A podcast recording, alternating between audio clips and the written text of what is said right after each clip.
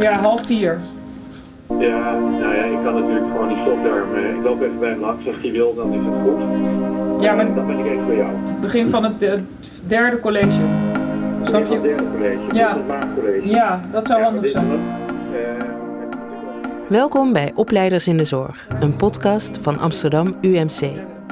Ruim 700 artsen, wetenschappers, verpleegkundigen en andere zorgverleners verzorgen het onderwijs van dit Universitair Medisch Centrum. Hun kennis en kunde dragen ze jaarlijks over aan ruim 2400 studenten. En vaak hebben de opleiders innovatieve ideeën om het onderwijs in de gezondheidszorg en de zorg zelf te verbeteren. Hoe moet de arts van de toekomst eruit zien? En hoe kan het onderwijs aan studenten nog beter worden? In deze aflevering van Opleiders in de Zorg spreken we onder andere met Babs Zonderhuis. Oh, oké. Nou, we gaan het zien. Ja? Oké, tot zo hè. Doei. Zo.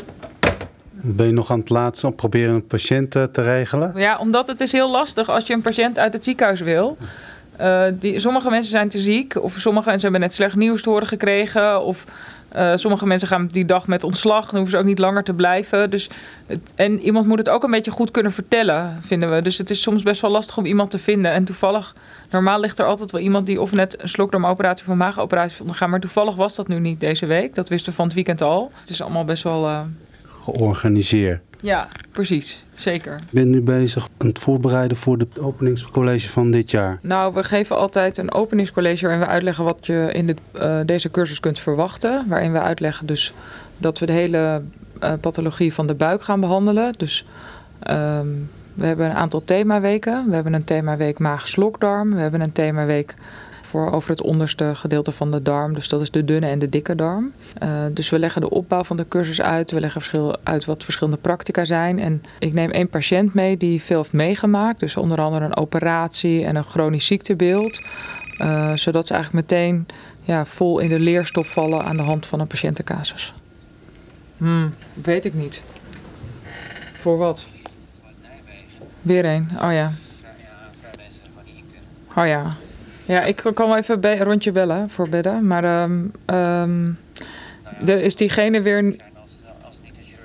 Nee, is prima. Alleen de vorige die ik heb overgenomen, er was een operatie beloofd. En wij opereren natuurlijk nooit vroeg. Dat heb ik ook op de app nu gezet. Dus dat, was, dat zijn wel vervelende gesprekken. Dus, dus als die patiënt weet dat hij uitgesteld geholpen wordt, dan heb ik wel binnen twee dagen een plekjes. Ja, sowieso. Eh, ik ga even. Ik, zal ik even bellen? Dan bel ik je zo terug. ja, ja. Oké hoi. Waar, waar ging dat over? Ehm, ja, ik ben dus ook chirurg. Dus eh, de collega's van het AMC vroegen of ik een patiënt wilde overnemen. Dus Gebeurt dat vaak? eh, ja, elke week. Dat we een patiënt uit een ander ziekenhuis overnemen vanwege complicaties. Of dat een patiënt klinisch is en academische zorg nodig heeft. Klinisch houdt in? En dat hij opgenomen ligt in het ziekenhuis op dat moment. Ja, ja. En, en, en waarom komen ze hier naartoe, naar jou? Eh, omdat we gespecialiseerde zorg leveren voor patiënten met levertumoren, eh galwegziektes. dus dat kan kanker zijn, maar ook galwegletsels. Eh, en ook voor pancreastumoren, dus alvleeskliertumoren.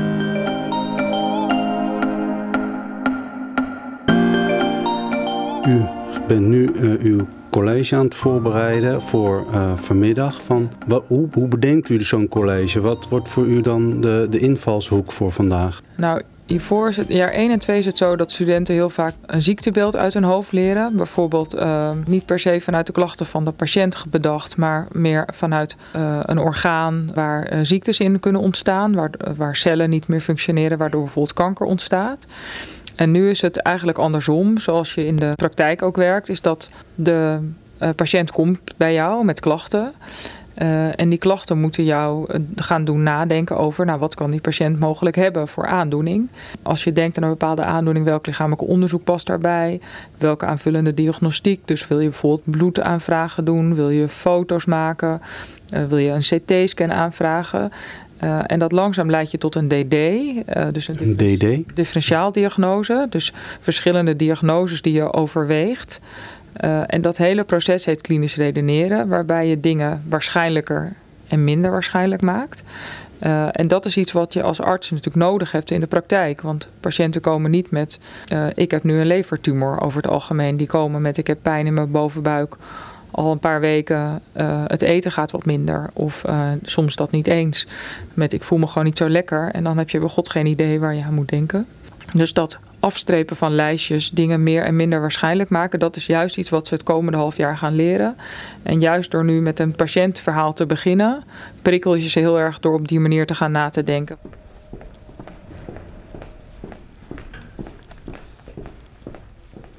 We gaan nu onderweg. Ja, om de patiënten op te halen en dan uh, naar de collegezaal. Spannend. Of vind je het niet meer spannend? Of denk je van nou, dit... Het is niet spannend. Nee? Nee, het is gewoon leuk. Leuk.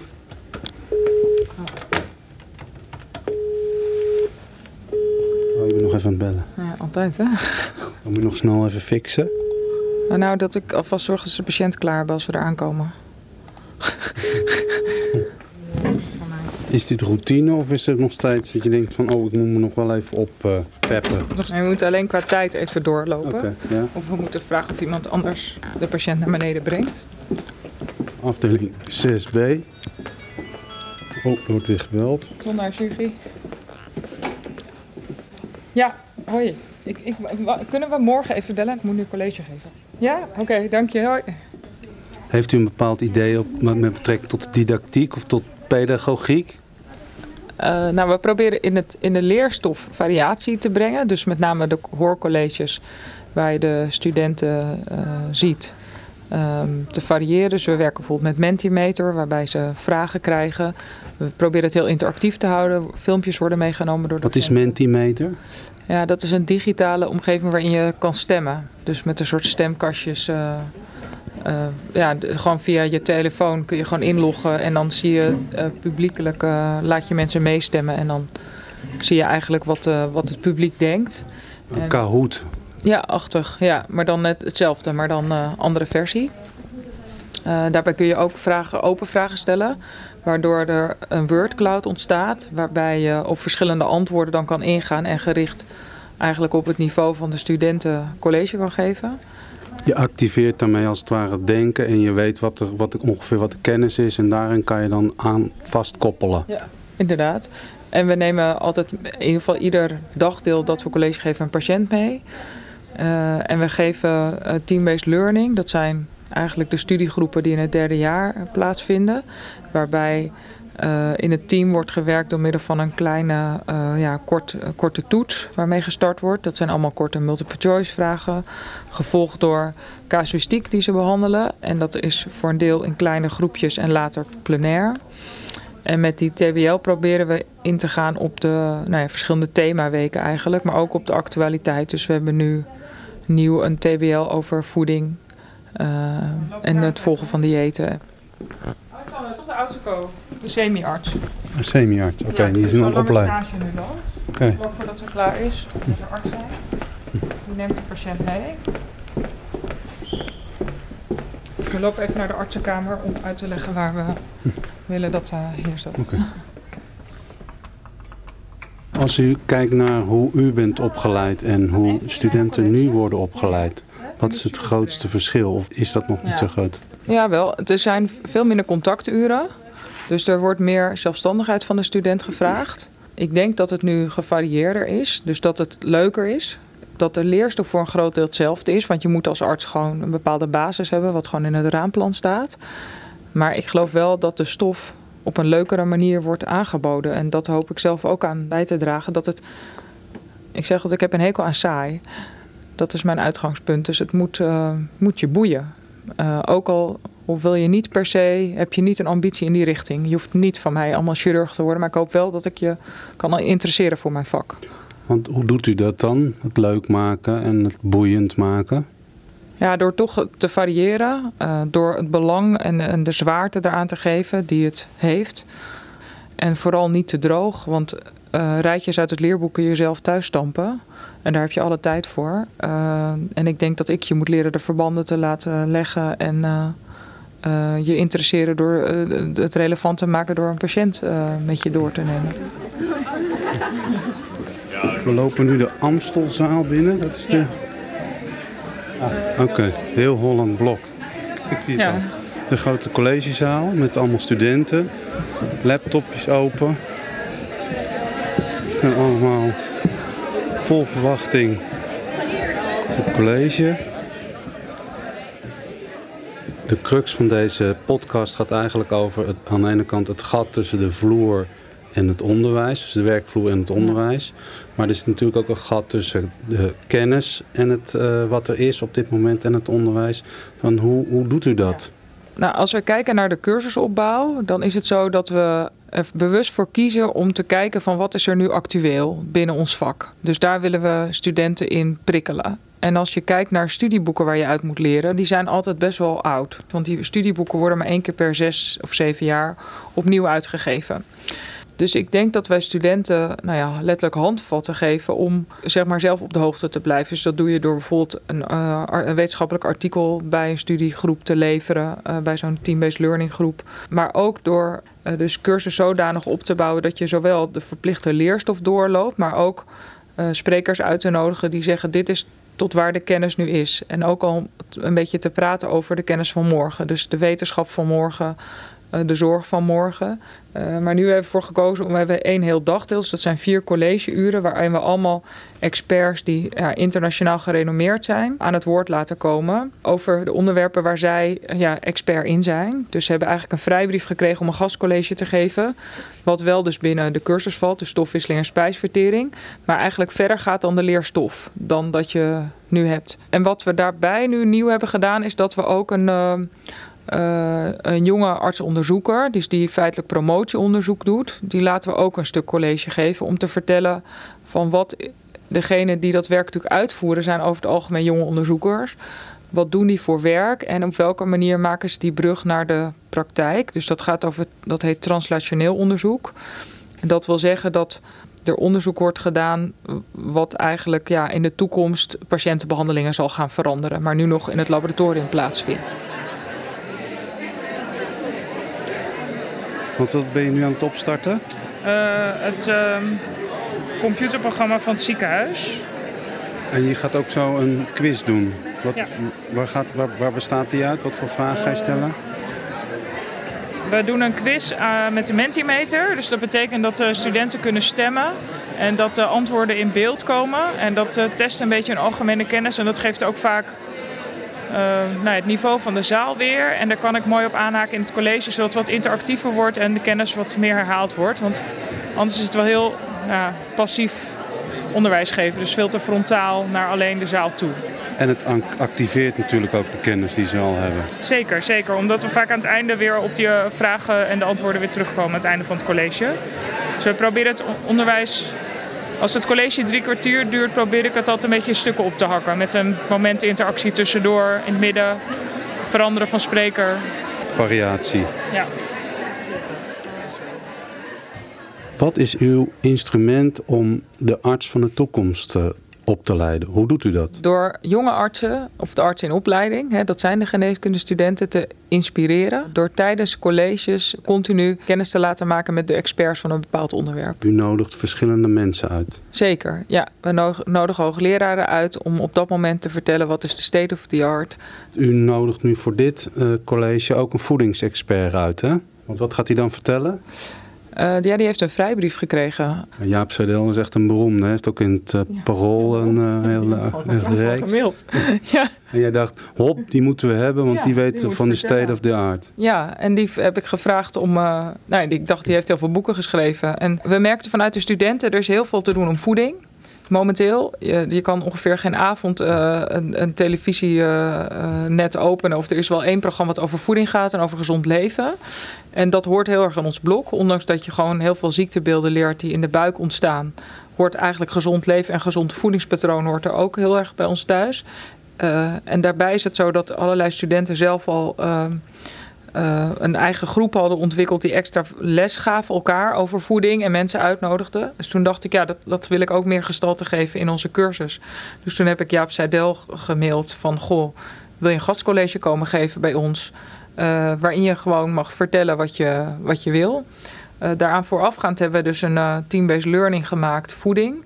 Uh, die heeft we samen met de diëtetiek geschreven. En dat gaat over Uh, het volgen van diëten, is dat wel of niet gezond? Uh, overgewicht, hoe val je op een verantwoorde manier af?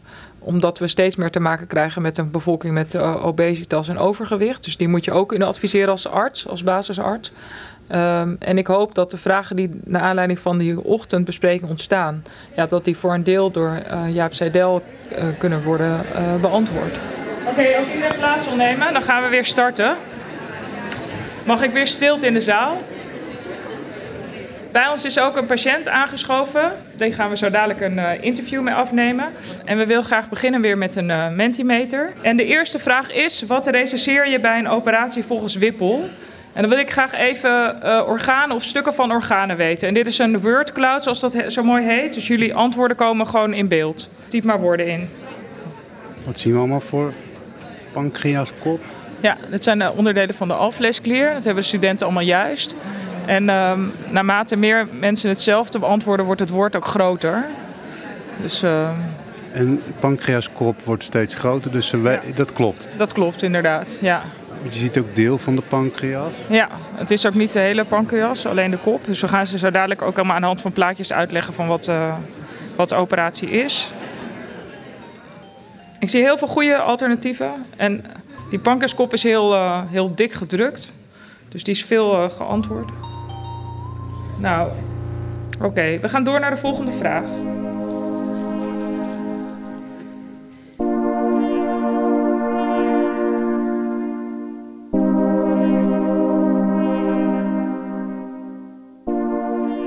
Wat zou u nog meer terug willen zien in die opleiding? Waarvan u denkt van nou dat, dat zou nog wel beter kunnen of dat zou nog wel oh. anders kunnen?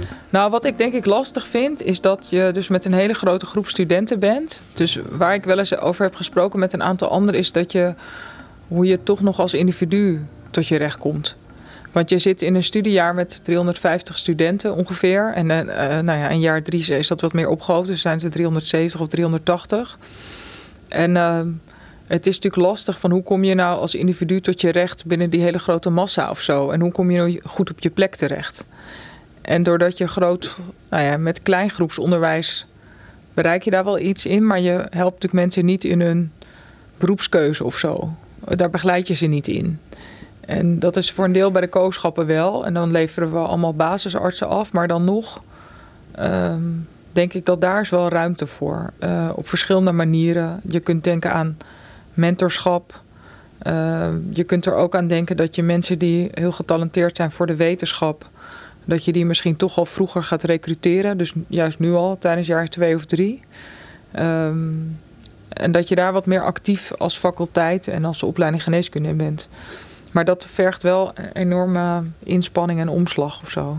Los van het basisgedeelte wat mensen moeten doen. Eh. Dus eigenlijk meer helpen ook met keuzes maken van waarin zijn ze nou goed, wat, wat ja. wil je nou? Ja. Dat persoonlijke gedeelte eigenlijk ja. goed begeleiden. Ja, dat denk ik. Daar is ruimte voor. Nou, ik ben uh, Arno Suers, ik ben 44 jaar, uh, getrouwd, uh, een zoontje van twee jaar. Morgen wordt hij drie jaar. helaas kan ik er niet bij aanwezig zijn, maar en uh, ik ben in het dagelijks leven technisch directeur bij een datacentrum. Ja. En uh, toen ik u net vroeg van komt u mee naar college, toen zei je nou ik heb wel iets voor die studenten en ik denk dat we dat gewoon meteen erbij moeten pakken. Ja. Nee, daarboven geeft eigenlijk aan uh, hoe mijn ziekte is ontstaan. dat zijn het aantal ontlastingen die ik per dag had. dus ik ben eigenlijk begonnen, of eigenlijk het maximum met 34 ontlastingen op een dag. En ja, om een goed beeld te krijgen van de hele ziekte moest ik ook steeds waardes uh, bijhouden voor de verpleegkundigen en de artsen. En dat heb ik op een gegeven moment eigenlijk zelf in een hele grafiek uh, ja, weergegeven om te kijken ja, hoe mijn ziektebeeld eigenlijk verloopt. Dus eigenlijk voor mezelf heb ik dat helemaal opgezet. Wat is volgens u nou een goede arts? Iemand met empathie, dat staat denk ik op één. En dat nou ja, testen wij niet als je start aan de opleiding. Uh, en met uh, kennis en kunde. Dus empathie en kennis en kunde. En geldt dat ook voor de arts van de toekomst? Want hoe, ga je, ja. hoe, hoe moet die eruit zien? Ja, precies hetzelfde. Dus Ja. in die zin is er geen eh, verschil tussen eh, een arts van nu en een arts anno 2040. Ja, nou wat je natuurlijk nu ziet, en dat zie je overal eh, erbij komen, is dat wat daarbij komt, is als je zegt kennis en kunde, daarbij impliceer je dat die kennis en kunde bijgehouden moet worden. Uh, en wat nu erg in de mode is en wat bij alle beroepsopleidingen ook naar voren komt, dat heet lifelong learning. Hoe zorg je nu dat dat geborgd is? En dan sta je hier, als je een cursus geeft in het derde jaar, voor de bachelorstudenten natuurlijk, sta, je natuurlijk enorm in de kinderschoenen daarvan. Dus dat, dat is niet iets waar wij nu uh, mee bezig zijn om heel actief vaardigheden te geven voor lifelong learning. Ik denk dat we daar, daar is nog heel pril voor. Wat was voor u een overweging om mee te doen? Uh, nou, ik vind het altijd interessant om uh, ja, ook ervaringen van anderen te horen. En ja, dat ik daar nu zelf een deel uit mag maken, dat vind ik gewoon heel leuk. Dat u, dat u uw ervaring kan delen en zodat anderen weer er wat van leren? Ja, absoluut. Ik denk dat je elkaar altijd daarmee uh, versterkt daarin. Ik vond het ook leuk om een verhaal te vertellen aan mensen. Want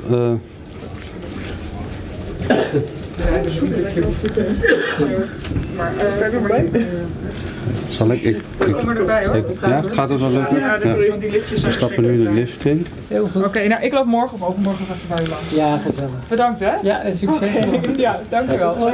Tot ziens. Ja. Dag. Bijzonder dat die mensen toch meewerken aan zo'n college. Ja, de meeste patiënten vinden het leuk om te doen, ook in het kader van uh, elkaar helpen en anderen helpen. Maar uh, vaak na afloop vinden ze het wel een uh, intense ervaring. Het is ook een soort van alles nog een keer op een rijtje. Dat je wat je hebt meegemaakt soms heftiger is dan dat je in de dag leeft. Ja, want word je helemaal geconfronteerd met je hele... Ja. hele ziektebeeld, beeld, ja. ja.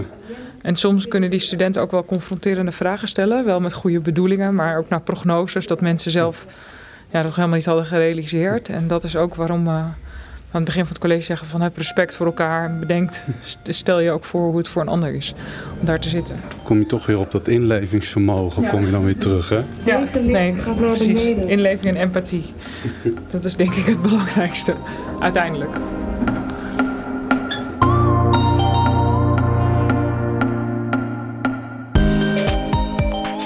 Dit was Opleiders in de Zorg. Deze podcast werd gemaakt door Bert Terhoeven. Bedankt voor het luisteren. En vergeet vooral ook niet ons een rating te geven op je favoriete podcastplatform. Graag tot de volgende aflevering.